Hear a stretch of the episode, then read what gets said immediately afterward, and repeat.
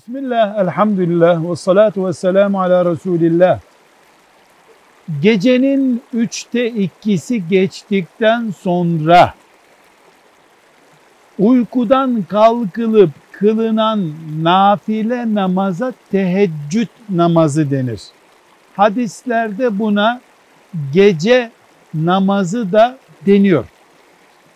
Müekket sünnetlerdendir. Yani Resulullah sallallahu aleyhi ve sellemin yoğunlukla üzerine düştüğü, tavsiye buyurduğu sünnetlerdendir ama farz değildir, vacip değildir. Gecenin üçte ikisi geçtikten sonra ne zamandır gecenin üçte ikisi?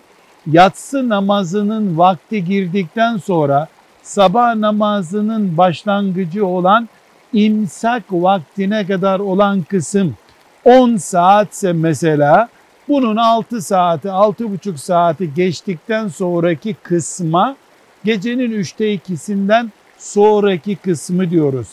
Bu vakitte kalkılıp nafile namaz olarak niyet edilir. 2 rekat artı 2 artı 2 artı 2 8'e kadar kılınır. İstediğin sure okunur, istediğin uzunlukta okunur, aralarda tesbih yapılır, dua edilir. En mübarek namazdır. Nafile namazlar arasında. Müslümanın bunu evde kılması müstehaptır yani daha makbul kabul edilmiştir.